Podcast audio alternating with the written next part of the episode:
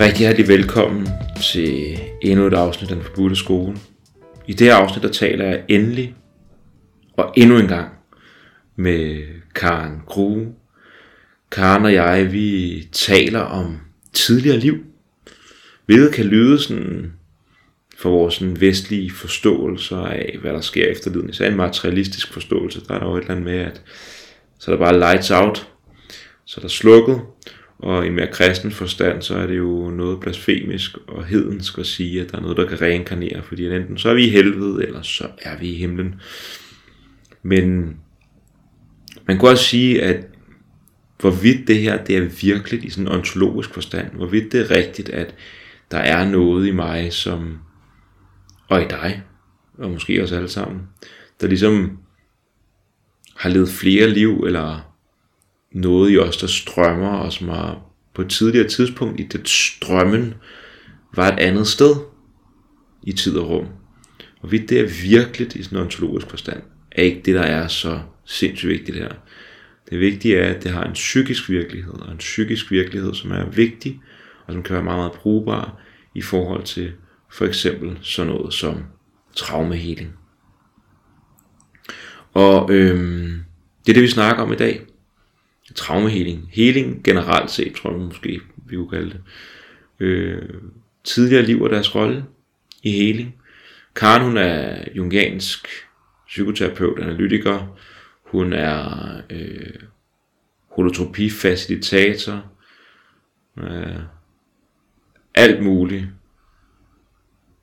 En kvinde, der har levet mange liv i et liv, og mange liv ja, på den måde, som vi skal snakke om det i dag. Og øhm, jeg glæder mig til at invitere ind i den snak, og jeg håber, at du kan gå ind med det, til det med en åbenhed og en nysgerrighed omkring, jamen, hvordan kan hvordan kan det her måske forstås på en måde, der er pragmatisk, brugbar, nyttefuld, ligegyldigt hvorledes vi så tænker eller skal diskutere omkring at det her det er virkeligt eller ej. Så det er noget med ligesom at lytte til fortællingerne, historierne, og så også den måde, vi prøver at fremlægge det, hvordan det egentlig hænger, kan tænkes og hænge sammen. Det er sådan, at jeg har også haft en del af de her tidligere liv erfaringer, og de har været utrolig vigtige i heling af forskellige aspekter. Øh, som man kunne sige var psykodynamiske, men som på en eller anden måde også havde en relation til noget, der er sket, før at jeg, eller min bevidsthedsstrøm, som ikke er min, det er allerede forkert der, men at den bevidsthedsstrøm, som er i den her krop, i det her liv nu, var i andre tider, andre steder, og øh, som har bragt nogle mønstre med sig i det her liv. Og det er det, vi undersøger i dag. Karen Grue kan du finde ind på karengrue.dk, og mig kan man kontakte på alexandergrigat-denforbudteskole.dk. Det er en fornøjelse at lave den her podcast og dele den med alle jer derude, og det er så skønt, at I lytter, at I deler, og at øh, I giver jeres bidrag til, at den her podcast, og egentlig de dialoger, det liv, som de dialoger har, det får lov til at leve videre ud over blot den samtale, som bliver optaget. At den, bliver lov, den får lov til at blive genlyttet, og den må også blive genfortalt. Dialogen finder sted igen og igen, og at mm, den får lov til at gøre noget ved dig. Inspirere dig, eller gør dig uenig. Hvad fanden nu kan være. Det er en fornøjelse. Tak for det. Del endelig podcasten med venner og familie, eller nogle andre. Og øh, gå gerne ind på Den Forbudte Skole, på sociale medier og like, og følg med derinde. Med det sagt, så vil jeg bare byde velkommen til den her samtale mellem Karen Grue og jeg, om tidligere liv og deres rolle i heling. Der er sådan et eller andet, jeg kunne mærke, da jeg skrev til dig også, om vi skulle lave en podcast igen. Der er sådan en eller anden følelse af, at der øh, vil rigtig gerne høre noget mere af, hvad der, hvad der er foregået her. Det, vi snakker også om det her, inden vi fået frokost, og det er Ja. mega hyggeligt, og det er altid dejligt at få snakket om alt muligt andet også, end bare podcast. Men den der fornemmelse af, at øh, når man har levet et langt liv, gjort mange erfaringer, at der er sådan en væld, forestil dig nærmest sådan en dimension, der åbner sig bagved, og sådan det der med at få noget af det ud, og, og, og, øh, og der er så meget øh, at give og lære, og jeg, jeg tror, at det, som vi skal snakke om i dag, som at, øh, at tidligere liv, og Ja. tidligere livoplevelser, og deres relevans for, kunne man sige, heling, Ja. Øhm, det er ligesom noget, som du, du virkelig gjorde for mig, øh, og som efter du åbnede det, og så efter det har det været helt centralt øh, for hele Ja. noget i mig, som Ja. både er meget psykodynamisk, øh, men, men, men, men, men som har er et mønster, der faktisk er lidt dybere liggende, og som går ja. på tværs af liv. Det er det. Øhm, så, øh, og, det, og det kan virke abstrakt og mærkeligt, og, sådan, og, og virkelig springe vores forståelse af, hvad universet er, hvad vi er, og hvordan tingene hænger sammen. Men øh, jeg håber lidt, at når vi ligesom får, får snakket om det, at, at det i hvert fald kan åbne op til en nysgerrighed og undren ind i, i, i stedet for bare en, en blank afvisning. Ja, fordi jeg, jeg, jeg afviste selv ja. Øh, i sin tid, fordi at det var jo sådan en meget stor del af New Age øh, Ja. der tilbage i 80'erne, og jeg tænkte, at jeg havde sgu rigeligt i det her liv, så ja. der var ingen grund til at bøvle rundt med, med de tidligere, plus at jeg synes, at det var noget overfladisk pjank, og. Ja. jeg ved ikke hvad. Ja. Øh, så den måde, jeg kom ind i det på, øh, var faktisk øh, ikke med vilje overhovedet, fordi jeg, jeg havde gået rundt med nogle problemstillinger, som jeg havde virkelig knoklet med i terapi, og bøvlet rundt og gjort og gjort alt muligt for at komme ud af nogle låsninger, jeg synes, jeg havde, og nogle, nogle ting, der blev ved med at gentage sig.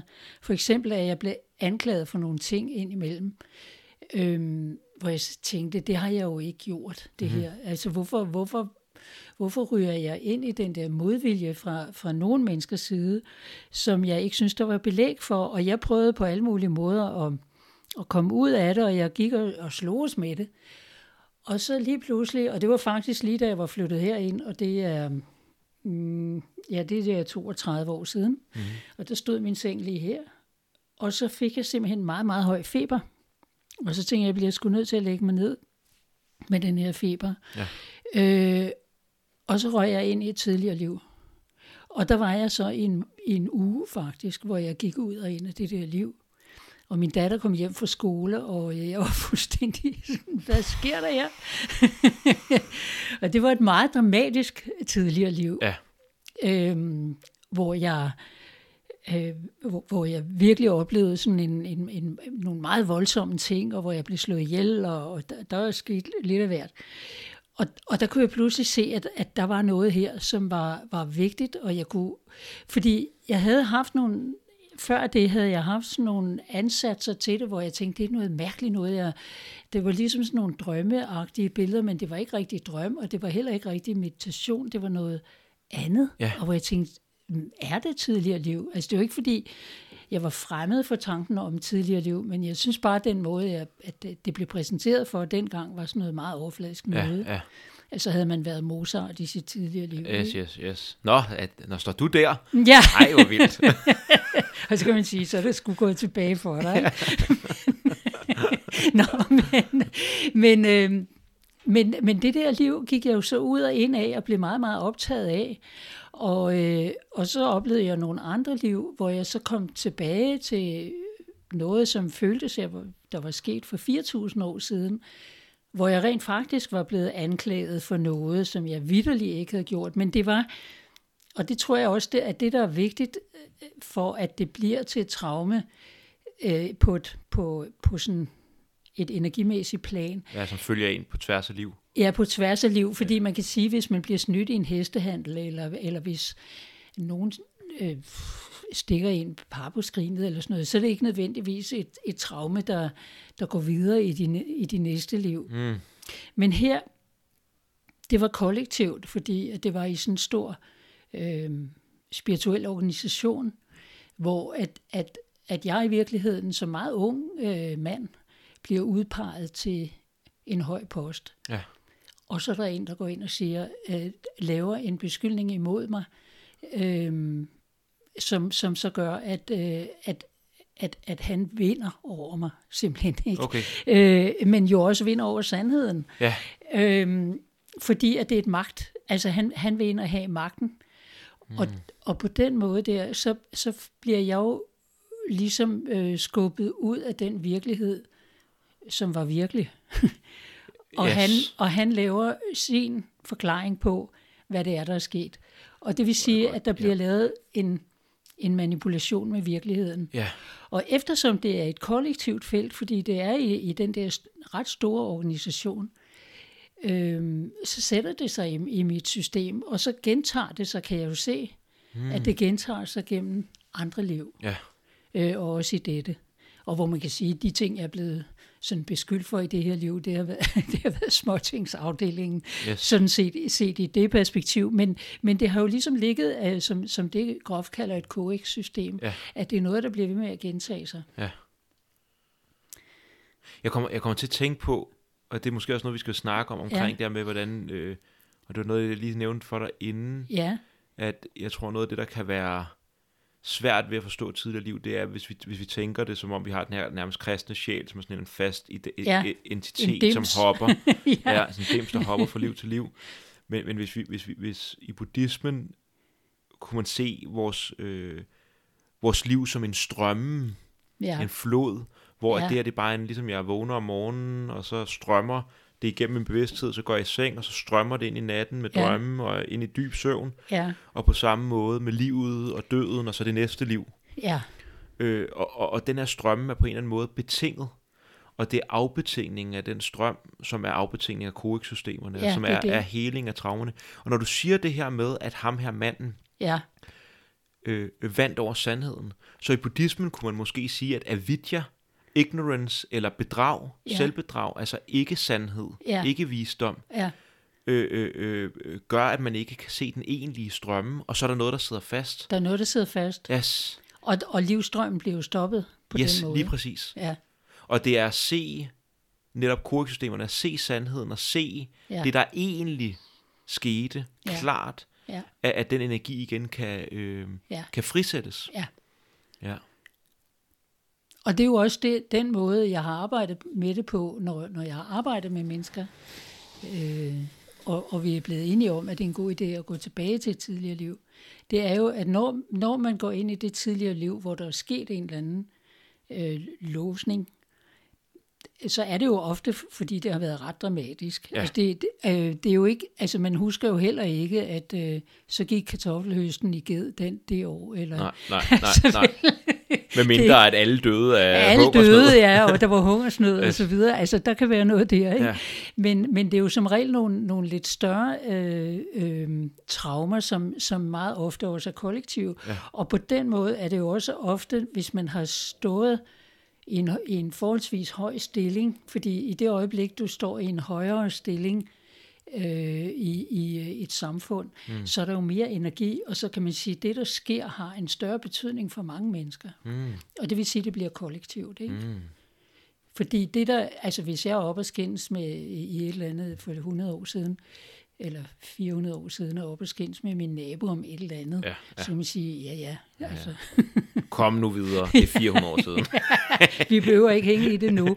Øh, men hvis du bliver brændt på bålet for eksempel, ikke? Yes. Eller, eller noget andet, øh, øh, så sætter det sig i ens system, fordi at, at, øh, at alle de mennesker, der synes, man skal, man skal brændes, har jo den der forestilling om en, at, at man er forkert. Så man kunne sige måske, at det er kollektiv avidya, kollektiv ignorance, kollektiv Ja. øh, øh, ikke se en sandheden, Ja. og måske dække over sandheden, eller handle på trods af sandheden, Ja, sådan kan det tit være, ikke? som, som øh, bliver sådan en kollektiv lukning, Ja, som også bliver knuderne i den individuelle str- øh, bevidsthedsstrøm, eller den individuelle sjæl, ja. som så går videre. Det Det, det. passer rigtig godt med, øh, Og med det, de oplevelser, jeg har været i. Ja, ja, ja. Men den måde, man så, eller i hvert fald den metode, jeg bruger, der går man jo op til selvet. Ja. eller ind i selvet, og hører, hvad er selvets mening om det. Ikke? Ja.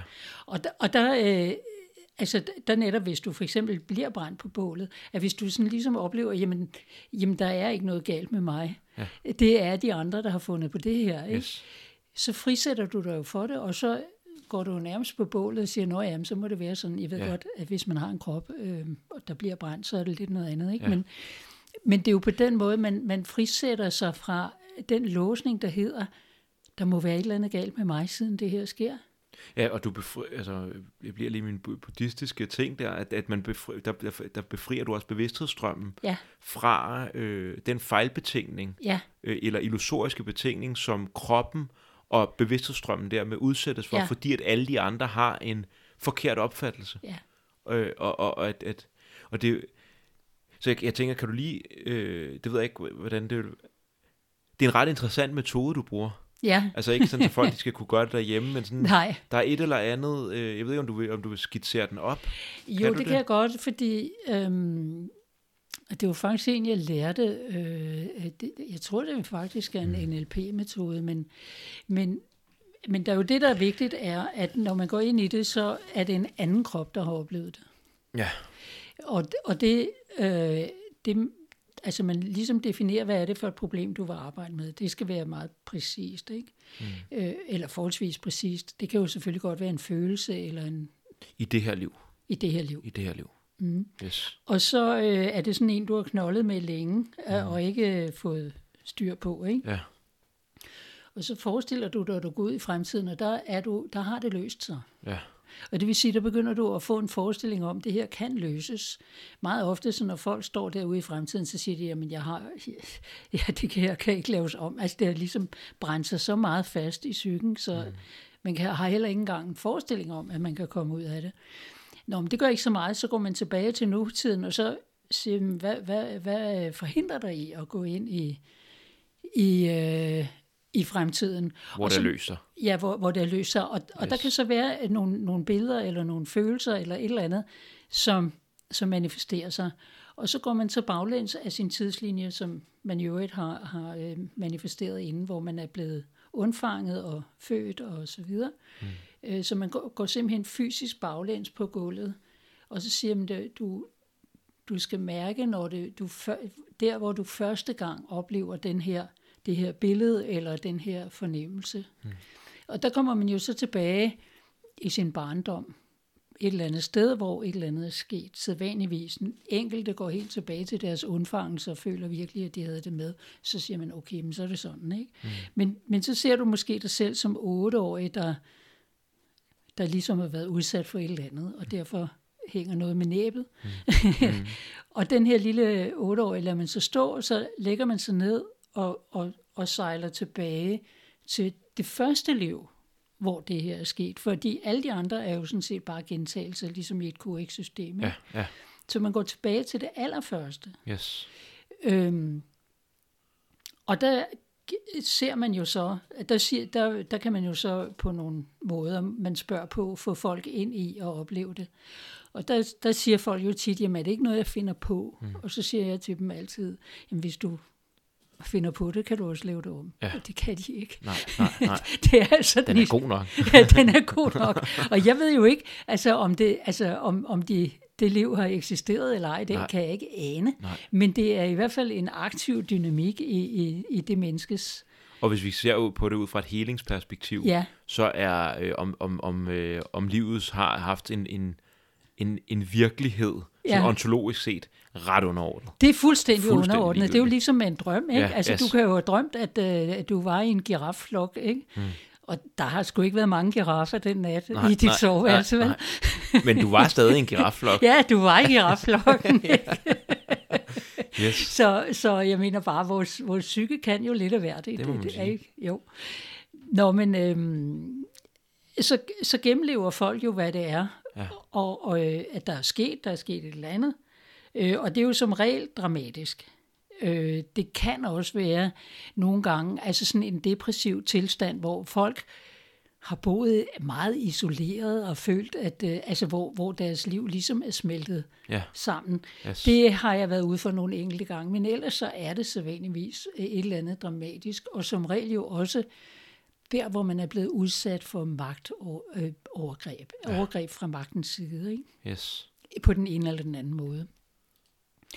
Øh, og, og så er det jo så, at, at øh, når man står der midt i, i traumet, at man så at jeg så beder dem om at gå ind i selvets dimension og sige, hvad er selvets mm. øh, løsning på det her, eller, eller kommentar. Ja. Og så kommer selvet jo med et eller andet, øh, som, som øh, frisætter den låsning, fordi det er jo noget af det, der sker omkring chok.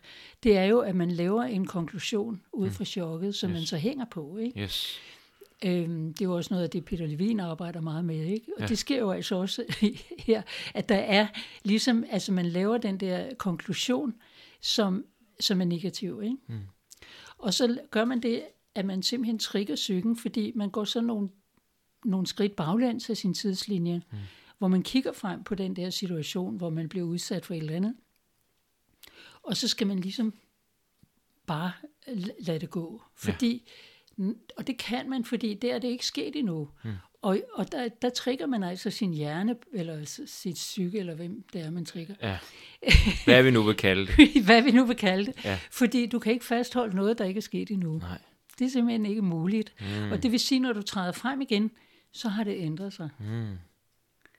Jeg kan huske en kvinde, som, øh, øh, som kom tilbage og, og havde, var blevet gravid med den helt forkerte og uden for ægteskab og alt muligt, og som derfor var gået hen til en, der ligesom kunne lave en fosterfordrivelse. Mm. Meget uhyggeligt sted og sådan noget der, og, og, og hun stod jo så derover for den der fosterfordriver og skulle til det. Ikke? Mm. Og da, vi så, da hun så går tilbage og, og slipper de her ting, og, og kommer hen og står ved siden af, af for sig selv ja. i den der situation, så er der ikke nogen inde i tøjet. Mm. Og, hvor blev du af? Så løber hun splittet nøgen rundt ah. ude i naturen, fordi hun vil jo da selvfølgelig have barnet. Ja, ja. Øh, øh, altså, så hele det liv får lov til at Ja, og hele det der med, at det var forkert, at hun blev gravid. Yes. Det er jo ikke forkert, hun blev jo for helvede gravid. Ja, altså, yes. yes. fordi hun elskede den mand. Ja. Og så ved jeg godt, at der, så er der jo alle mulige, øh, hvad skal man sige... Øh, kollektive normer. Ja, der er kollektive normer og regler, og yes. jeg ved ikke hvad, yes. som gør, at det var helt forkert og ja. meget skamfuldt, og, og jeg ved ikke hvad. Men, men set ud fra naturens syn og, og kærlighedens syn, så, så var hun jo blevet gravid med den mand, hun elskede. Yes. Så igen i et, i, et, i et syn, hvor man ikke er i et eller andet form for ignorance, selvbedrag, eller ikke at kunne se tingene, som de er, ja. der var det så fint. Ja. Og der skulle hun bare løbe rundt i skoven og have, og, det barn. og have sit barn. Ikke? Ja. Så ved jeg godt, mand, at det måske elsker. i praksis havde været lidt svært. Men, yes. men det er jo det, at, der, yes, yes. at der, der, kommer, der kommer jo så ligesom øh, livet ind netop, ja. ikke? Ja. Og helingen og virkeligheden, at hun elskede manden, hun ja. gerne ville have det barn med yes. ham. Selvfølgelig. Og, og, og, og de kræfter, og du snakker også om magt før. Ja. De, hvordan det, det med magt også kommer ind som, som noget, der ligesom prøver at fride armen om på virkeligheden til det ens det. egen fordel. Eller til, til sin en, egen, til nogens fordel. Ikke? Ja, til nogle værdiers fordel, eller nogle, hvad det nu kan være. Ja, ja, fordi altså lige så snart du har alt det der med, at du ikke må gå i seng med nogen og sådan noget, så kan man sige, ja, det er jo også øh, godt nok i forhold til ikke at få så mange børn og sådan mm. noget der, men, men det der, at man er et frygteligt menneske, fordi at man får et barn, det er jo patriarkiets undertrykkelse af, at det er faktisk er kvinderne, der bringer livet ind. Af natur, en undertrykkelse af naturen. Ja. Som stadig foregår, må man sige. det gør den. I højeste, højeste grad. Absolut, ikke? Så det er, det er måden, ikke? Og så går man videre for ligesom at, ja, det er en længere historie, men altså hvordan man så øh, renser, renser det der ud, og, og man så når frem i, i, i, i fremtiden, hvor at, at det så har opløst sig, ikke? Det er jo interessant, jeg får lyst til at fortælle den historie, altså min ja, oplevelse ja, med det. det. Og, og grunden til at få lyst til det, tror jeg, det er, fordi jeg sidder, sidder for simpelthen øh, sådan, øh, der er noget, der trykker sig ud af milten på mig lige nu. Nå, okay. og øh, min terapeut sagde til mig en gang, hvor jeg havde lidt ondt i milten, og det var omkring det her, der sagde hun, at øh, i, i, i kristen, mystisk, energetisk arbejde, der øh, bliver milten også en gang knyttet til øh, slægtskab, ja. til slægten og til for, forfædrene, til oh, fortiden ja. og til ja. tidligere, måske til tidligere liv. Ikke? Jo. Øh, det er mystisk, i meget mystisk, esoterisk kristen, fordi ellers der er der jo ikke øh, tidligere liv. Nej. Øh, I den mere gængse form for kristendom. Men øhm, hvordan skal jeg lige starte den? Jamen, fordi jeg var her, Ja, og jeg, og, og jeg, jeg, jeg tror, at vi havde snakket om, du sagde til mig, at du tror, det ville være interessant for mig at gå tilbage til tidligere liv. ja, Og, og, øh, og noget af det, som øh, det jeg gik tilbage med, var en fornemmelse, en følelse af øh, forladthed, som kom af ligesom at, have, altså at, at, at, at tabe det, man elsker, og derfor være forladt. ja, ja, Og der gik jeg øh, tilbage af tidslinjen, og der var der både en fornemmelse af, at øh, det trådte ind i det her liv på et bestemt tidspunkt. ja, Kan jeg ikke huske, et toårsalderen eller ja, sådan sådan noget. noget der, ja.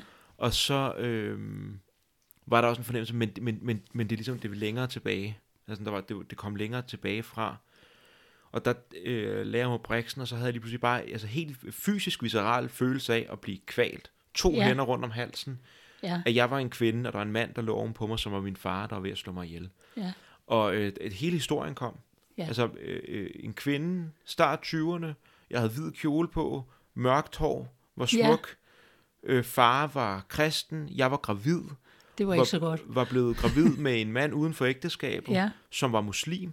ja, Øh, det var i Andalusien i omkring 1500-tallet. Ja. Jeg ved intet om Andalusien og alt det her. nej, Det, som jeg faktisk får at vide, øh, har fået at vide for noget tid siden, det er, at øh, lige præcis der omkring 1500-tallet i Andalusien, jeg tror, det var Nikolaj Knop, der fortalte mig det, der begyndte der nemlig den her kristne... Der, I Andalusien og i Spanien var der en ret stor multikulturalitet ja, det var det. og, og, og Både og- multireligiøsitet. og- ja. yes.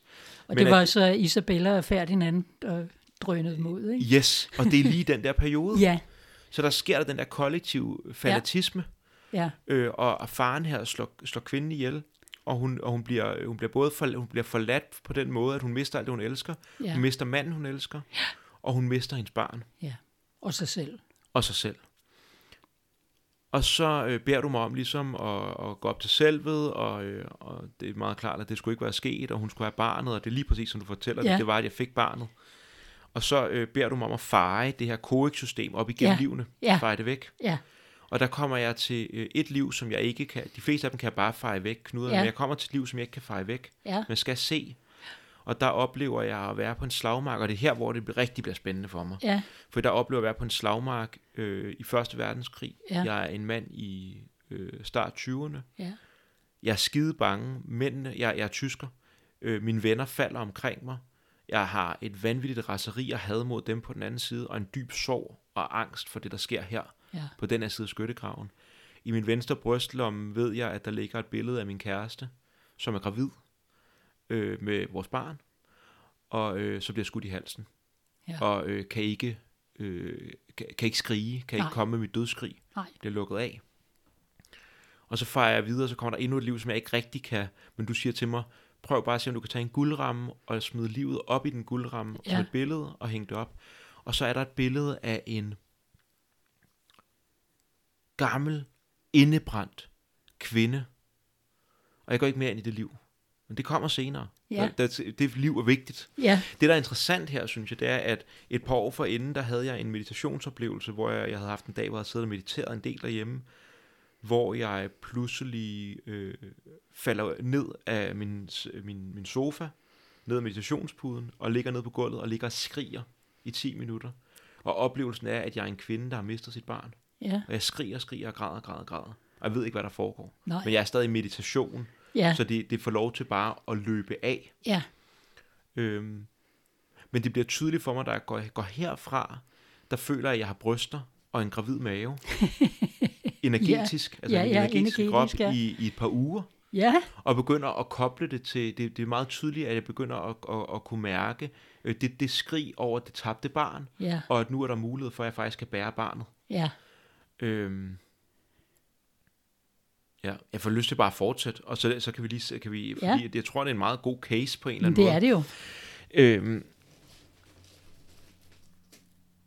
det der så sker, det er, at jeg, øhm, altså det her, det handler grundlæggende om et forladtheds Ja, traume og en fø- følelse af, at, at, at, at, at den kærlighed, jeg har og gerne vil give og dele med andre mennesker, mm. at der er noget, der cutter den af. At Ja. jeg ikke kan få lov til at være der. Så er jeg på øh, Vipassana-retræte, og, og min oplevelse er, at øh, længerevarende sidning øh, virkelig kan bringe en ind i de strømme, fordi det netop er, og det er også derfor, jeg bruger den buddhistiske metaf- metafor, for det netop er at blive med bevidsthedsstrømmen, Ja, og så begynder der på et eller andet tidspunkt en gang imellem at åbne sig sådan nogle bevidsthedsstrømme af minder, som ofte knytter sig til det her liv. ja, Og det skete der på det Vipassana. Der begyndte at, at, at dukke nogen op, hvor jeg sådan følte mig forladt og ensom, og så begyndte der at dukke minder op fra min barndom i en treårsalderen, ja. hvor jeg skal til at være storebror. Nå ja, Og det, der sker der, det er, at jeg øh, jo helt psykodynamisk er begyndt at føle mig forladt. Jeg er ikke klar til at miste mor nej, og være en stor dreng. nej, Så jeg begynder at have, øh, fra 3 til 5 års alderen har jeg oplevelser. Det ene er en drøm, og det er en drøm, som jeg havde gentagende fra 3 til 5 år, måske lidt længere, som er en papegøje, der kommer til mig og besøger mig i min seng. Og den siger til mig, det er en smuk papegøje. ja, Og den siger til mig, Alexander, vi skal på en rejse i tid og rum. nå, Og rejsen går tilbage i tiden, og i starten er det sjovt, og så lige pludselig går det op for mig. Jeg kan aldrig nogensinde komme hjem til min mor og far igen. Så det er, øh, sådan som jeg oplever det, ligesom noget af sjælen, eller hvad vi skal kalde det, bevidsthedsstrøm, der er fanget et sted, et sted. ja, Og så det er det, som jeg så tror bliver det tidligere liv. Men det, der så også sker i den periode, det er, at øh, jeg har nogle oplevelser, som er, at jeg øh, ligger i min seng, og jeg sover ikke, men lige pludselig så ryger jeg ind i sådan en tilstand, hvor jeg oplever mig selv i en krigszone. Og, altså hvor du er barn, Ja, altså jeg er på det her tidspunkt, jeg er 3 til 5 år, ja, og har de oplevelser af at være i en krigszone og blive slået ihjel, altså blive skudt i halsen. ja, Jeg ved ikke, hvad det betyder på det her tidspunkt. Jeg ved ikke engang, hvad en krigszone er. Nej. Jeg ved bare, at det her det er fucking ubehageligt. ja, Og jeg prøver at fortælle mine forældre om det, øh, og får bare at vide, at det er bare et mareridt. ja, Så det bliver affaret. ja, det er klart. Og øh, øh, de forstår, det giver god mening i vores kultur, at man ikke kan... Nej, fordi Hvordan- børn har jo de der oplevelser. Yes, og hvordan går vi ind i dem? Ja, Og jeg, skulle have, jeg, jeg, havde, jeg havde faktisk brug for, at det blev taget så seriøst, som jeg... Som Ja, om, at jeg er blevet klart. slået ihjel. det er det klart. Yes. Det er du jo blevet. Det er det. øh, og det, det faktisk ender med, det er, i stedet for, at jeg... Til sidst så går jeg ikke mere ned til mine forældre. Nej. Jeg sidder på trappen og håber på, at der måske er nogen, der kan mærke, at jeg er ked af det, og har brug for en hånd. Jeg har Ja. brug for et kram, Ja, har brug for at blive rummet det her. ja, Så der sker, øh, hvad skal man sige, det er sådan, jeg oplever det, at der, der, der udfolder traumet sig igen ja, i det her liv. ja. At jeg er forladt, og at min kærlighed, mit sorg, øh, Og ikke... du mister dit barn og din kæreste, ikke? Yes, Ja. Yes, og, og kontakten til mor og far, som også er kontakten til mit indre barn. Der, ja. Jeg kan ikke rumme mig, jeg kan ikke blive rummet. Nej. Øhm, samtidig i den her periode, så det er den ene ting, som er, det, det, det er jo så det tidligere liv, jeg faktisk oplevede dengang, Ja, som jeg oplevede inde hos dig. Ja, Den anden ting, jeg oplevede ofte i, i den alder, og måske lidt længere, det har måske været helt op til 8-årsalderen, det var, når jeg skulle ligge og sove, så oppe i venstre hjørne af værelset, der kom der et indebrændt, bittert, rynket, gammelt, kvindeligt ansigt. en rigtig heks. En rigtig heks, Ja, der stirrede på mig. Og jeg sidder og mediterer øh, på retrætet, og så kommer det billede, og så bum, så gør det ondt, helt vildt ondt i min, øh,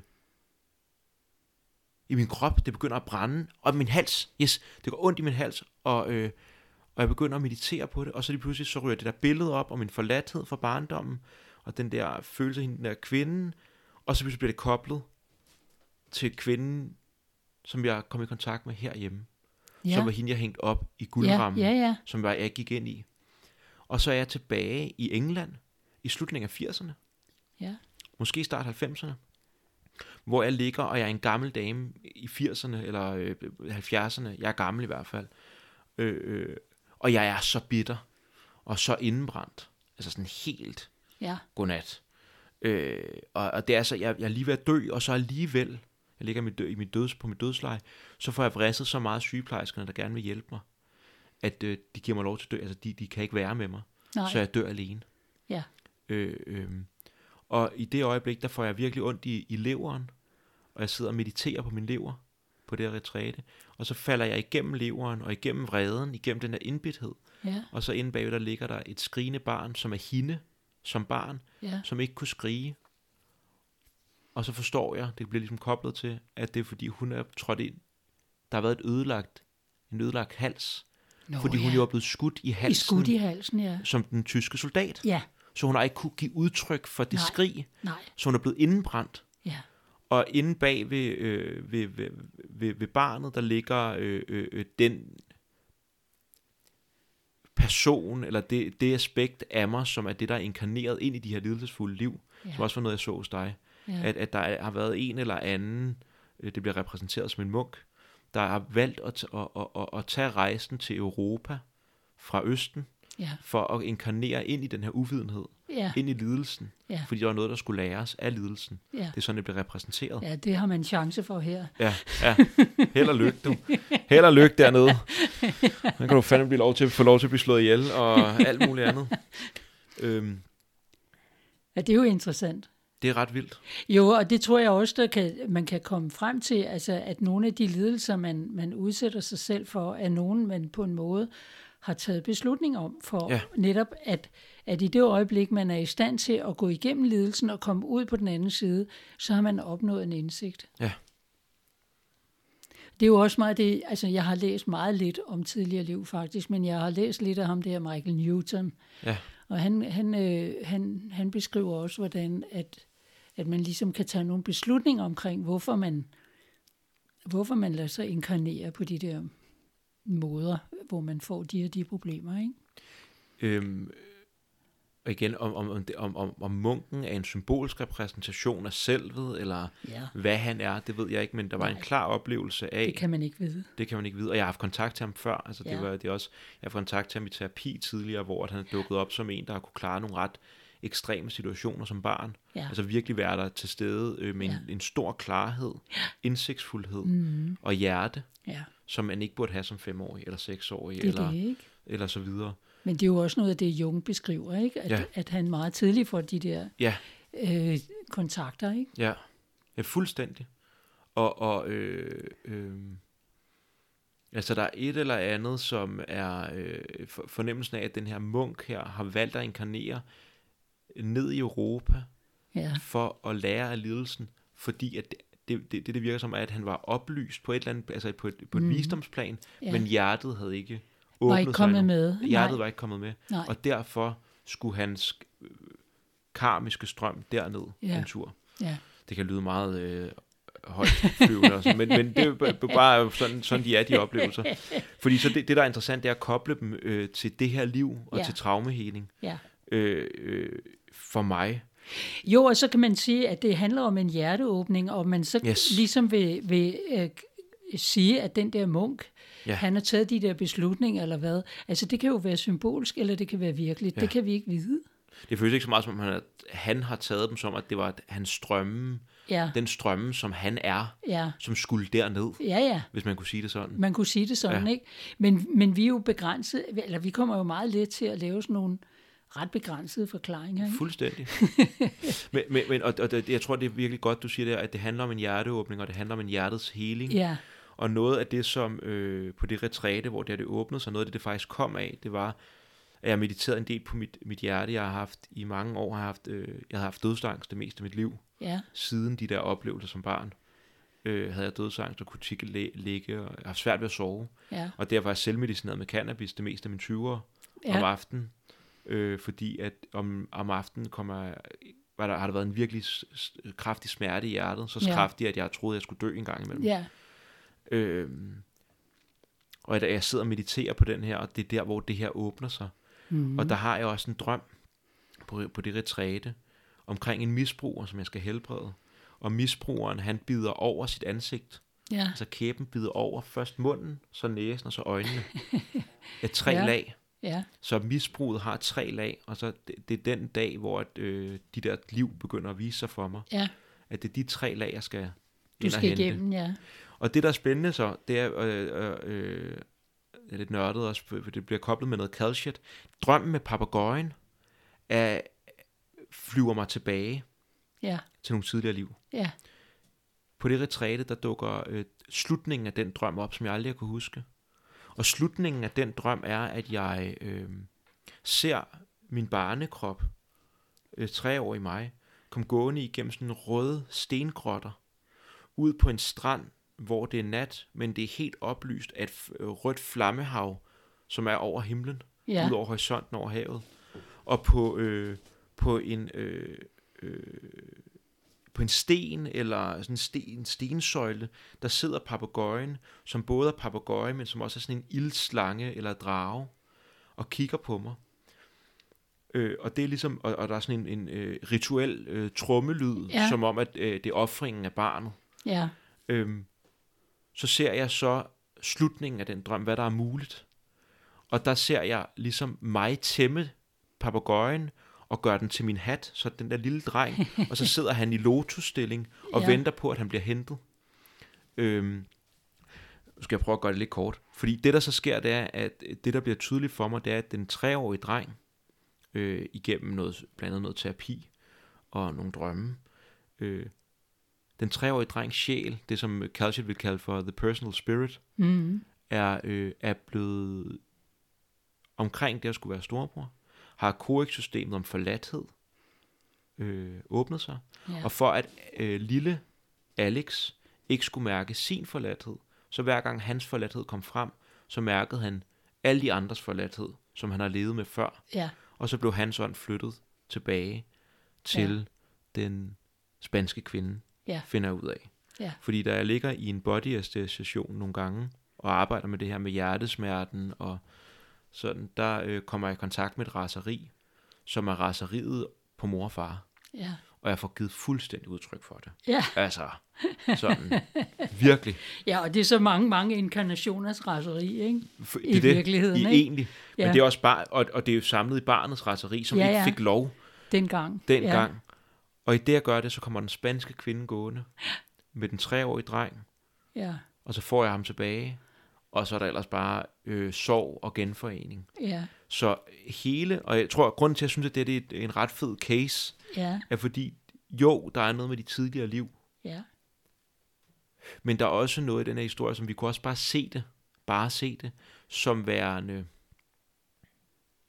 symboler eller repræsentationer for en helingsproces, ja, som egentlig handler om, at barnets ånd er blevet fraspaltet, ja, og at den skal hentes. ja, Og det på et, på et meget vigtigt plan, er det, er det også bare, et, er det også bare i går sådan en psykodynamisk healing. Men grunden til, at jeg synes, det er fint, det er, fordi der både er den der rejse tilbage i tid, og så er der også øh, den rejse tilbage bare til det her liv. Og det, der ja svært fordi der. man kan også sige, hvorfor, hvorfor tager du det så tungt at blive storebror, ikke? Ja, yes. Øh, fordi man kan Ah, sige, det er jo sket Karen. før i tiden, ikke? Jo. der er mange, der er blevet det, ikke? Ja, og ja. de har overlevet i, Ja. stort, i stor stil, ikke? Eller glædet sig. Jeg har glædet sig for Ja. ja. glæde ud af den der yes. åndssvage lillebror. yes. Selvfølgelig har der været alt det der, ikke? Yes. Men det er jo simpelthen fordi, at det traume, altså det, det er jo altid svært for et barn at, at blive store søskende til en lille dum en, som tager al Ja, energien, ikke? Øhm, men, men vi er jo ligesom lavet til, at det kan vi godt.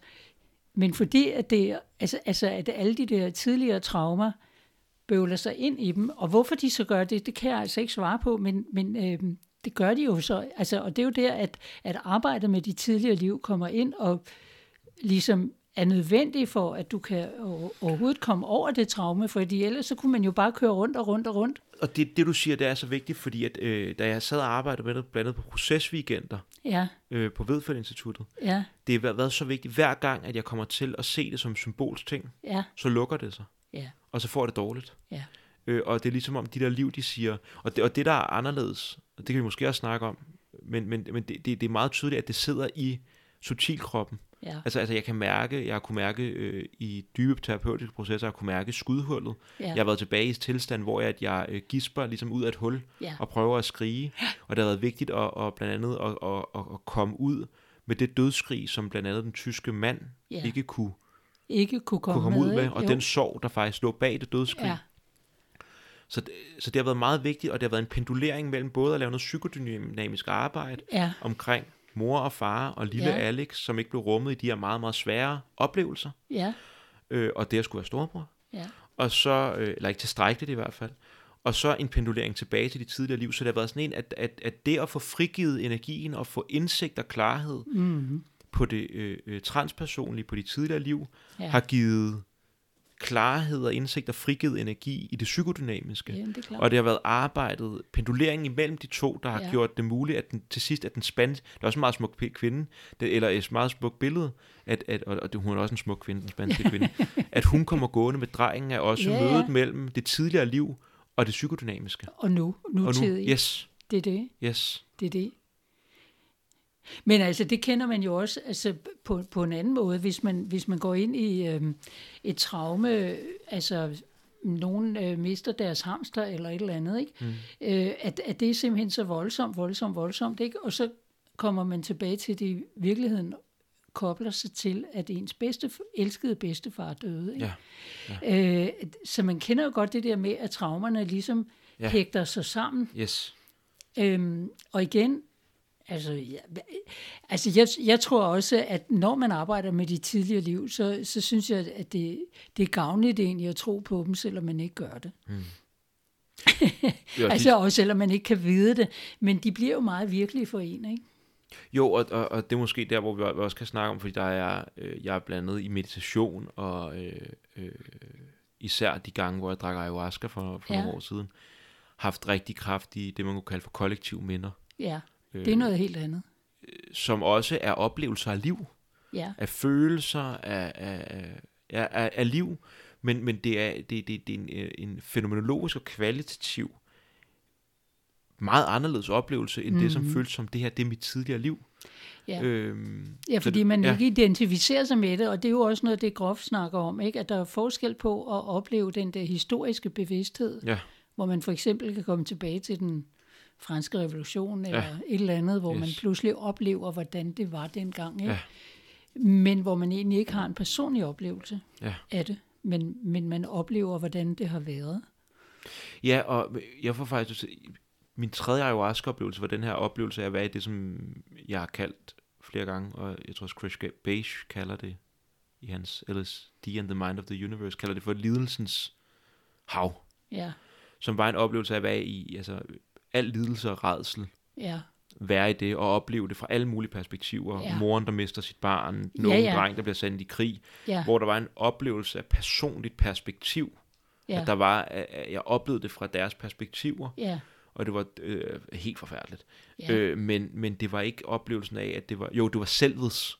Det var, det var, jo, det fordi var, vi har den kollektive kontakt, ja. til, til, selvom vi ikke, så at sige, selv har oplevet det. Ja, så det var ikke min strømme, der havde Nej. været der. Det var, det var, det var selvets, det var noget, der skinnede ud af selvet, eller hvad jo. vi skal kalde Men det. Men det, det kan vi jo også opleve, hvis vi ser en film eller et teaterstykke. Ja. Altså identificerer vi yes. os med en eller anden, der bliver udsat for noget, vi aldrig selv har været udsat for, ja. men vi gennemlever det, ja. som den person gennemlever. Ikke? Og, og det bliver en indleving, indlevelse. Ja. Og, og, og man bliver berørt, og man bliver bevæget. Fuldstændig. Men, men, men, men, men de tidligere liv føles som om, at de sidder i ja. kroppen. Altså de i, sidder, i min ja, krop. Ja, det sidder i ens energisystem, og, og det er helt tydeligt, at det frisætter noget og frisætter det. Ja. Det gør det altså. Og, og det er sjovt, mit store problem her, eller problem, det er chakra. Ja. Og det område, der har været blokeret og haft problemer med altid, ja. og meget sjovt, at jeg sidder og laver en podcast, ikke? Jo, jo. Det er jo halschakraet. ja, det, Så det, er det, det er jo også en, det, den her podcast er også en manifestation af mit forsøg på at hele mit øh, tidligere livs skudhul ja. og kvælning. ja, ja, det er det. Det er ret vildt.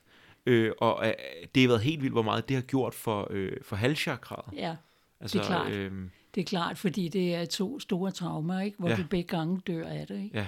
Og hvor nogen gør det mod dig. Ja. Ikke? Altså selvom du ikke ved, hvem der har skudt dig.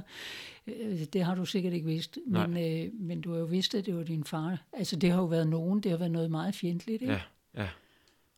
Det har det været.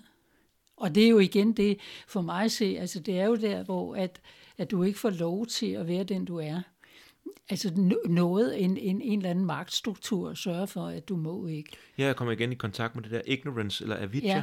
Af, af ideen om, at vi ikke kan samleve jøder, muslimer og kristne, og derfor ja, ja. skal, ikke? Det, det, det, det, det, det, det, det, det, er jo selvbedrag, frem for at kunne se Ja, vi kan jo bare gøre det sådan der, ikke? Yes. De havde jo gjort det i hundredvis af år ja, længe inden, ja. der havde de jo levet glimrende sammen. Og, og, og krigen i Europa i Første Verdenskrig, som også ja, bare den havde er, vi heller ikke behøvet. Det havde vi ikke behøvet. Nej, det og, og det, jeg synes, det synes jeg virkelig er godt sagt, Karen, at det er det der med, når, ja, når der er et eller andet, der er magt, eller når nogle af de der meget menneskelige ja. interesser, som ikke er i forbindelse med den større omkringliggende helhed, eller økologi, eller natur, ja. at det er der, de der knuder de kommer. De kommer, og det kender vi også fra vores egen liv. Det er jo også der, hvor at, at, øh, at traumerne psykodynamisk finder sted, Ja. når barnet ikke kan få lov til at være sig selv i sin natur, Ja, det i en det. sund økologi, Ja. at det er der brudet kommer i barnet, og hvor Ja. det begynder at skulle lave et falsk selv, hvor det begynder at skulle, skulle lave alle mulige tilpasningsmåder, øh, Ja. ja. måder, og det er meget det samme, men bare strukket ud i et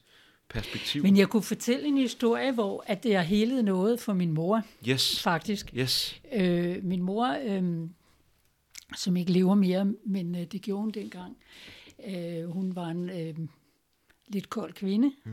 Øh, og øh, når jeg besøgte hende, eller var sammen med hende, så øh, ville der altid komme et tidspunkt, hvor hun ligesom stak en kniv i mig. Ikke? Mm. Øh, og det havde jeg jo vendet mig til over. ja ja. Vand, det- vand det- til kniven kommer. Ja, hvornår er den der?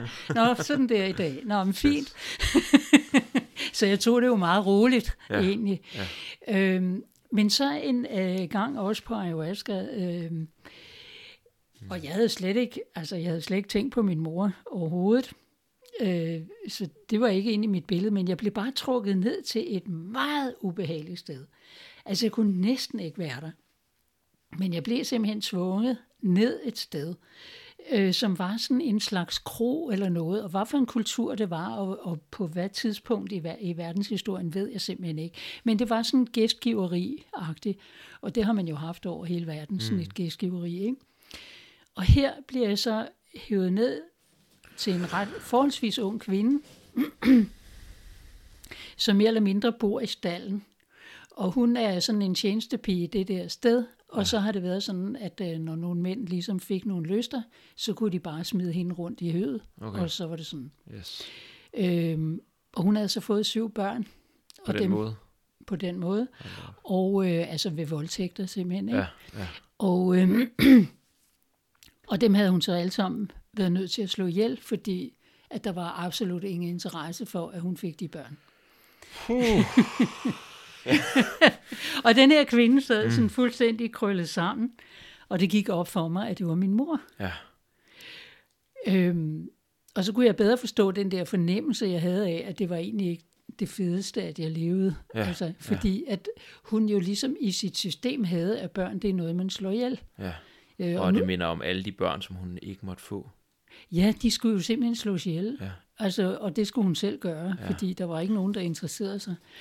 Ej, det, var, det var virkelig Det en klammer Ja. at komme ned i det der. Yes. Nå, og jeg sad så der og så tænkte, ej, øh, jeg håber, at jeg kommer væk fra det her. Øh, Jeg, jeg var bange for at blive siddende, fordi hun sad jo fuldstændig fast Ja, i det. ja. Og så tænkte jeg, nej, men der må jo være en grund til, altså man tænker jo lidt langsomt nogle gange på ayahuasca, så tænkte jeg, der må jo være en grund til, at jeg er her. Ja, Øhm, så jeg tænkte, jeg må jo have hende her ud af det der. ja. Det skal hun jo ikke være i. Øh, så jeg prøvede at hive i hende, og det var, det var helt umuligt. Altså, jeg kunne simpelthen ikke rokke hende. Hun var fuldstændig låst i, i det der traume, ikke? Ja. Så jeg tænkte, shit mand, hvad gør jeg, hvad gør jeg ikke? og så pludselig, så opstod nåden. Jeg er ikke specielt kristen, Nej. men det der, det var nåden. Ja. Det var simpelthen en, en, en enorm frisættende energi, der simpelthen bare kom til stede. Og så kunne jeg få hende, så, så, så sagde jeg til hende, så er det altså nu, tror jeg nok. Mm. Yes. Hvis du Nu er med. bliver du altså nødt til at komme, fordi at nu er det altså noget, der er der, og så er det altså bare med at komme med. Ikke? Ja. Så jeg fik hende afsted. Og så røg vi ligesom ud i øh, universet, mm. og så forsvandt hun, fordi... Yes. Altså, og, øh, og som sagt, så levede min mor stadigvæk dengang. Hun stak aldrig til mig igen. Nej. Og det kan selvfølgelig være, fordi der er noget inde i mig, der ændrer sig, men øh, det kunne også være, fordi der faktisk var noget i hende, der blev frisat. Ikke? Ja. Og måske et både og. Og både og, ikke? Altså, ja. Jo, fordi jeg fik jo også pludselig en forståelse for hendes kulde. Ja. Øh, at det der med at få børn var ikke det helt store for hende. Mm. Øh, altså fordi hun havde det traume omkring at få børn, ikke? Ja. og hvor man så, altså hun, hun øh, levede sådan set et, et meget beskyttet liv og kunne få de børn, hun ville have, ja. altså i det her liv, ikke? Men, men hun havde jo ligesom måske den her bagage, ikke? Og, og, og det fortæller, jeg, jeg synes, der er et eller andet i det her, som minder mig, øh, både det der med, det er et både og, Ja, øh, med vores, altså jeg, jeg kom bare i kontakt med den her øh, oplevelse af, da min bedstefar døde. Ja, Vi snakker også om det, inden vi gik i gang med den her renselsesproces ja, at det var vigtigt øh, i en meget af det arbejde, jeg lavede på ayahuasca, handlede selvfølgelig om mig, men Ja. det handlede også meget om, at han sad fast i en traumetilstand, som gjorde, Ja. sad fast i bardo, Ja, i mangel af ba- bedre ord, ja, at han ikke kunne, kunne, kunne give slip på den inkarnation, og sad fast, og det at rense ham, og hjælpe ham til at hele, ja. var jo både noget, der satte ham fri, fri Jo, men han blev også, han blev også en, en meget vigtig indre karakter på, at jeg kunne komme i kontakt blandt andet med den tyske mand ja. i Første Verdenskrig. Ja, det er jo så det klart. det der både over det der Ja, med, fordi at din bedstefar må jo næsten have oplevet 2. verdenskrig. ja, han, han blev født, han, var, han, var, han blev født inden for øh, 2. verdenskrig, og var Ja. jo tysk mand, og Ja, faren arbejdede jo for nazisterne, hvilket man jo gjorde. det gjorde man jo. Det gjorde man jo, og Der var ikke så mange andre muligheder. vilde oplevelser med russere, der stod og spillede klaver ind i huset, mens de skød, og Ja, altså sådan... ja det har været lidt. Ikke, ikke, ikke vildt interessant, sjovt, meget Nej. Interessant, ikke så sjovt. Øh, så der er øh, den der healing af det, øh, det, det transgenerationelle, og i vores slægt, Ja, som også kobler sig til, altså det, er jo, det, er meget, det er jo, bliver meget komplekst. det er meget komplekst. Det er meget komplekst. Ja. Men, men når man oplever det, så er der sådan en intuitiv, sådan en, Jo, men jeg Ah, tror ja. også, altså fordi man kan sige, at gå tilbage i tidligere liv og opleve et eller andet, så kan man sige, at der er fandme mange muligheder, hvis vi faktisk har levet en 700-800 liv eller sådan noget, Mm. ikke? Så, så er der ret meget at gå i gang med. Yes. Ikke? Men det er jo fordi, at der ligesom går nogle, nogle linjer igennem nogle traumer, altså de der KX-systemer, ja. Som, som Grof kalder dem, hvor at man ligesom gentager det det samme hele Ja. tiden, ikke? fordi der ligger et traume langt tilbage, som så gentager sig, gentager sig, gentager sig. og, og, og det, er, det, det er ofte dem, jeg ved det ikke, ja. Ja. men jeg tænker, det er ofte er dem, som vi, vi genoplever i tilbage i tidligere liv, Ja, ja. fordi at det er den frosne linje, Det er Alt det. det andet er, st- er strømmet frit, ja. Ja, og har kunne, af, øh, Ja. ja. kunne, kunne glide ud og glide igennem og fordøje. Og så er der en frossen linje, ja, som vi bliver nødt til at gå tilbage til Ja. og få op med roden. Altså at tøtte den op. Og så kan det godt være, at der er mange frosne linjer, man ikke får tøet op, Yes. men det, de er så heller ikke væsentlige, eller Nej, det er ikke det, Det er ikke dem, der skal. holder på så meget energi. Nej, eller, eller, eller det er ikke væsentligt for, for det, man skal nu, mm. eller det, man gør nu. Vel? Ja, det er nu. Det kan være, at det Ja. bliver et, tema Det kan senere. godt sagtens være, at det kommer til senere, ikke? Ja, ja. ja. Ja, det, altså, det, jeg synes, det er vildt spændende, og det er sådan en... Øh, det sjovt, jeg har haft meget sådan noget med det der med at skulle undskylde for, for eksempel at sidde i procesweekender, eller et eller andet oppe Sola alene, sådan, ja. og hvor vigtigt det har været at blive mødt i, at Nå, men det kan vi sagtens, det, Ja. det er sådan, det er en oplevelse, det er sådan, du har det, det er sådan, Ja. det er. Øh, og vigtigheden af selv at stå ved det, øh, i forhold til at hele, og det er måske også noget med at ture at gå med, vil du sige, hvis der er nogen, der sidder derude og har den her type oplevelse, eller fra Ja. barndommen, eller øh, det at ligesom, når en drøm kommer og siger, giver et billede på, hvad, hvad der foregår i dit indre, at du er en giraf, eller hvad det nu Ja. var, vi var, at, at gå med det som et, øh, som the inner healing intelligence, ja. altså at det, det, det, er, det, er, det, det er psykens virkelighed, Det er psykens og virkelighed. den bliver vi nødt til, at, øh, hvis, vi, hvis vi ikke tager den for gode varer, så ødelægger vi også muligheden for, at de psykens inner healing intelligence kan tage os mod healing. Ja, det er jo Altså det. bryder vi. Så Øh, bryder vi det.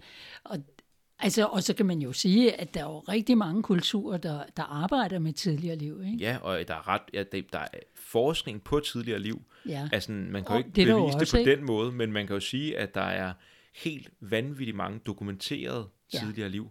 Altså, Det det er det jo. er helt syret. Og i andre kulturer, det er også noget, der er spændende. I andre kulturer, hvor man har en idé om reinkarnation, Ja, der når barnet siger ja, et eller andet, der minder om et tidligere liv, ja. så i stedet for, at det, nej, det er bare et mareridt, eller det er bare en drøm, eller sikke en Ja. ja. livlig fantasi, du har, min skat, Ja, så går man med det, og, og, og understøtter barnet i det, ja. sådan så at det ikke bliver noget, som vi ikke... Så det bliver en levende del, et levende minde i Ja, ja. kulturen. Det er klart. At vi løber rundt med minder, som øh, er prænatale. Men det er jo netop, at, at netop børn der under den 5-6 års alderen, der har de der oplevelser, og der ved jeg også, at der er blevet lavet nogle undersøgelser, hvor man rent faktisk finder Ja. De personer, de har været før. At de ja. Ja. har været Bager Olsen der Yes. og der, ikke? Yes. Men også, der, der, der er lavet noget med, hvor man har taget, det jeg tror, det var især Indien, hvilket er god mening, en levende øh, tradition med reinkarnation, Ja, øh, øh, hvor man har taget øh, børn, som siger, at de har boet i den her, den, den og den by, og, ja, ja. og så er de simpelthen kunne komme hen til byen og finde rundt i byen, Ja, og ja. derover bor den og den Ja, og ja. den. Øh, selvfølgelig med barnets sprog og begrænsninger, men med en tydelig fornemmelse af, at, øh, at, at her har de været før. Ja, ja, men de også kan sige, hvem de har været Ja. og hvad de hed. Ja. Og så når man spørger naboerne, ja, det er rigtigt, Ja. og han døde sådan og sådan, ikke? Der ligger nogle, hun. faktisk nogle, øh, apropos det her, der ligger nogle helt fantastiske dokumentarer på YouTube, som kan virke, hvis vi ikke har det her perspektiv med tidligere liv, kan det virke fuldstændig ubehagelige, Ja, ja. men omkring øh, øh, øh, gentilblivelsen af forskellige øh, tibetanske mestre, Nå, og hvor ja. man finder børnene, som Ja, ja, at de tilbliver ind i. Og der er en helt vild fi- øh, film, jeg kan ikke huske, hvem det er. Åh, den skal jeg næsten have lagt ud et eller andet sted. Hvor at øh, barnet her, som så er øh, øh, En tulku. en tulku af ja. en eller anden art, øh, da tulkuens slæng, eller hans øh, venner, hans, øh, Mhm. mm. ja, dem der har, har været under ham og praktiseret med ham, de er på vej over til barnet, så begynder barnet helt selv, inden han ved, de kommer. Ja, han Og ved pakke- det godt. Han begynder at pakke sine ting, Ja. og mor og faren er sådan, hvad, hvad så? Og øh, så Ja, ja. kommer de der, og så er han bare sådan, I begynder, og begynder at lave... Ja, hvor blev I af? ja, og begynder at lave, de har sådan en, hvor man lægger et klæde Ja, hen over hovedet som sådan en velsignelse. Ja. Ja. Det gør han på sine forældre. Og så er det, det er så smukt at se den dokumentar, ja, hvordan at han virkelig elsker ham her, den ene munk, ja, helt vildt. Ja. De kender hinanden så godt, ja. og det er gensidigt, og han er både en lille dreng, der får lov til at lege og alt muligt, Ja, ja. men så studerer han også, og han mediterer, og han laver velsignelser, som om Ja, han ja. havde været en tulku i mange liv. Ja. Øhm, Men det er jo sådan. Ja. Jeg har også læst, øh, hvordan det er, da Dalai Lama bliver fundet, ikke? ja, Og også Lakha Lama, som, ja, som er... som bor her, ikke? yes, Eller har yes. boet i hvert fald. Ja. Jeg tror, han er flyttet Okay. tilbage. Men, Ja. ja. Øh, ja, ja. Så det er jo sådan, det foregår. Og i de traditioner, hvor det er en forståelse af, hvordan det... Og Hvordan der, det der fortæller, øh, øh, jeg læste Dalai Lamas erindringer på et tidspunkt, hvor han jo netop også øh, altså kan huske sin bil, og som, som dreng, så, Ja. hvis jeg husker rigtigt, så begynder han at køre rundt i den og bare bræller lige ind i en mur og sådan noget, det er fordi han er jo barn, ikke? Nå, Men det er jo hans bil, Ja, ja. ikke? Den står jo i garagen ja. eller eller vildt, ja, ja, det er vildt. Og han også kan huske nogle ting, som han har liggende i en anden skuffe, så kan han gå derhen, altså åbner skuffen og tager tingene. ja, så er det der. Ja, ja. Det er jo noget, der presser vores øh, vestlige forståelsesramme en hel del. Det gør den, men spørgsmålet er, altså der er jo også, altså det er jo, det er jo noget af det, der har været i, i vores kultur, det er jo, at, at øh, hele inkvisitionen jo har lavet det der med, at du må ikke have de der forestillinger, fordi så er du forkert, ikke? Ja. Og så ryger du på bålet simpelthen, ja. ikke? Ja, og måske er det jo faktisk øh, vores kulturs forestilling om, at der ikke er øh, reinkarnation eller gentilblivelse, eller hvad ja. Vi kalde det, som er øh, undtagelsen. Det er undtagelsen, Det er undtagelsen. Ikke? ja. Øh, men fordi... Ej, det ved jeg ikke. Altså, der er jo, der er jo mange, øh, altså sådan indianer og sådan noget, altså de snakker jo mere om forfædrene, ikke? Jo, Altså, at, øh, men de har også den, men de har stadig også en cyklisk kosmologi, Ja, ja. hvor at, sjælen bliver til en del af den store sjæl igen, Ja, ja. og man, altså, Ja, så ja, der er netop, stadig den der cykliske Jo, jo, og- og- jo, og de evige jagtmarker, ikke? Ja, altså, ja, og, de evige jagtmarker, ja. og de, altså, så, så, og det har vi jo sådan set også haft i form af, at øh, vi så enten kommer i helvede eller i, i paradiset, mm. ikke? ja. Så, så, så vi har jo haft det noget, altså også når, altså når forældre er døde i, i utid, har de jo ligesom sagt, jamen jeg vil, jeg vil holde øje med dig op for skyen, ikke? Mm, ja. Men, men, øh, men det der med, at vi bliver genfødt, at det er jo i mange, mange kulturer.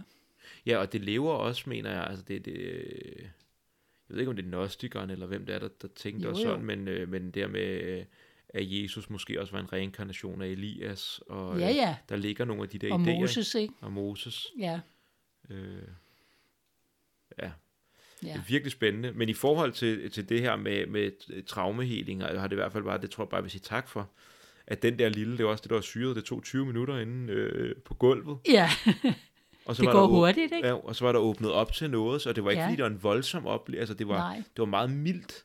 Men det Jamen, gav det mig jo nogle også- billeder og nogle, nogle, nogle kropslige fornemmelser og følelser, Ja. som ligesom kunne få lov til at udfolde sig efterfølgende, og især, at det vil jeg sige, der synes jeg, de her, øh, øh, det er også derfor, man skal have respekt for de meditationsretreats. Det er ikke altid, at sådan noget åbner sig overhovedet.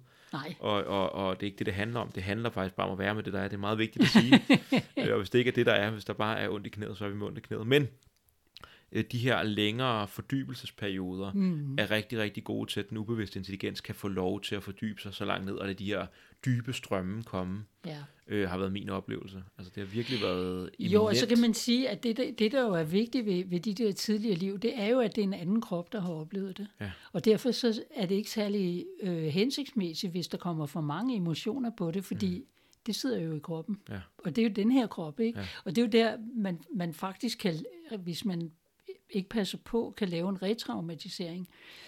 Altså på den måde, at, at, at hvis du for eksempel kommer tilbage og oplever, at, at du er den her tyske soldat, der bliver, øh, bliver skudt, altså kan du blive hængende der mm. i og for sig, hvis du ikke ved, hvordan man får det opløst. Ja, men det interessante var, og det, det, men det var også vigtigt for mig, det, var, det virker som, det har været vigtigt i min proces, at jeg faktisk kom tilbage og genoplevede det skud, mm. men at det fik lov til at forløse på en anden måde. Netop. Men at jeg oplevede det i, en, altså i, i, i den smerte, og den, øh, især Ja. den, øh, det, det, det, det dødsrejseri, Ja, der var. Ja, ja, Øh, hvordan fanden kunne I gøre det? Altså, hvordan, fanden kan det her ske for mig? Hvad, nu skal miste jeg min, det det. min kæreste, og mit barn og mit liv, og fuck jer. fjenden Men der er anden alligevel side. forskel på at gennemleve det i forhold til, hvis du, hvis du ligesom havde et raseri, der er nutidigt. Ja. Der er meget stor forskel. Kan du sige lidt mere om det? Jamen, fordi hvis man er rasende over et eller andet, hvilket man jo har, kan have god grund til over et eller andet, der er sket, øh, så er man jo rasende på nuværende tidspunkt over for nogle helt reelle mennesker, Ja. eller en helt reel situation, Yes. hvor øh, når du går tilbage og oplever den første verdenskrig, som jo er over 100 år siden, mm. øh, så er det jo mere en, en, et energimæssigt raseri, Yes. der har siddet i din krop. Men du kan jo ikke, ja, du kan jo godt sige, at det er også kejser Wilhelm, den røv, ikke? Mm. Eller, Ja, ja.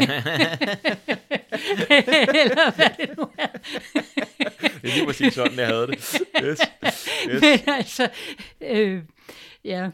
Øh, men, men alligevel, så er det jo, så, så foregår det jo ligesom sådan i et, øh, en eller anden mellemtilstand, som, som jo ikke har noget med din krop ikke, og nuværende krop at gøre. Den selvom krop. At, nej, ikke den fysiske krop, selvom den energimæssige krop oplever det jo. Yes. Fordi du har det hul i Ja, halsen, ikke? Yes. Og, og jeg tror, det er det, jeg mener, det der med, at, at, at, den energimæssige healing eller øh, fordøjelse Ja, øh, skal ske i subtilkroppen. Altså det, det, Det tror det. det. jeg, det er virkelig vigtigt. det er meget vigtigt, at man, at man ligesom får det til at, at ske, altså som, som terapeut, fordi hvis man, hvis man opdager, altså oplever for eksempel, at alle ens børn bliver slået ihjel for øjnene af en, ikke? Ja. så kan man godt fælde en lille tårer.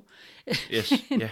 Men, men alligevel er det vigtigt ikke at ryge helt ind i, i den der dybe sorg, fordi så kan man jo blive hængende der. Og det, det tror jeg, yes. For, ja, yes, så øh, øh, øh, mit, den måde, jeg har genudlevet traumerne ja. på, det har været i en terapeutisk kontekst i 10 Ja. ja. minutter, Ja, hvor der har kommet et, et, et, et, et, et su- subtilt energiflush det det. Ja, igennem systemet, ja, men, men, men det er en fornemmelse af, stadig hele vejen igennem, og det er måske også den der bevid, klare bevidning, der, ja. Ja. der skal til for, at traumet forløser sig, at imens at det løber igennem systemet, er der en fuldstændig klar bevidning, som sådan, det, jeg ved, det her det er ikke rigtig noget med mig at gøre lige nu i Nej, det her liv, det er det ikke. øh, men, men, men det er noget, som betinger mig i det her liv, Det og det betinger skal have lov præcis. til at løbe igennem. Jo, fordi lige om lidt skal du øh, øh, ned og købe nogle æg og, Ja, ja, og et eller andet. Det er det. Ja, det er ikke, du ligger ikke på slagmarken, Alex. Nej, du, det gør du nu. faktisk ikke. Det tror jeg er meget vigtigt, egentlig, Ja. at den der... Ja, for det er adskilt, ikke? Ja, ja.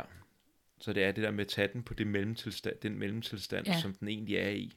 Ja. Ikke at gøre den mere eller mindre virkelig end det. Nej, altså virkelig fasthold, at den, at den hører til der. Ja. Er vi ikke gået meget godt rundt om det, Karen? Jo. Er det her, vi slutter? Det tror jeg da næsten. Det snakkede vi om, det skulle ikke være for længe. En time og fem minutter, du. Sådan. Det er altså i orden. Skal vi ikke sige det? Det synes jeg. Mega spændende, dejligt. Og, Det er godt. øh, og øh, ja. Hvis der er nogen, der sidder med sådan noget derude, så er der god grund til at øh, tro på, eller tro, ikke tro på det, have tillid til det. Ja, tillid til, til... Ja, fordi man, ligesom man kan have tillid til sine drømme, Ja. så kan man også have tillid til, de- til de der oplevelser. Men ligesom man kan altså tolke en drøm skævt, så kan man også tolke de der tidligere liv skævt, ikke? Ja, det, det skal det. man prøve at lade være med. Det er det. Gå, gå, med, gå med psyken, og den, øh, eller med, med sjælen og sjælens virkelighed på, Ja. sjælens, på sjælens præmisser. Lige præcis. På sjælens præmisser, ikke dine. Nej, Du er, Ikke bare en, du er bare en manifestation af, af sjælen. ja, Yes. Tak, Karen. i lige måde. Vi snakkes ved derude. Det gør vi.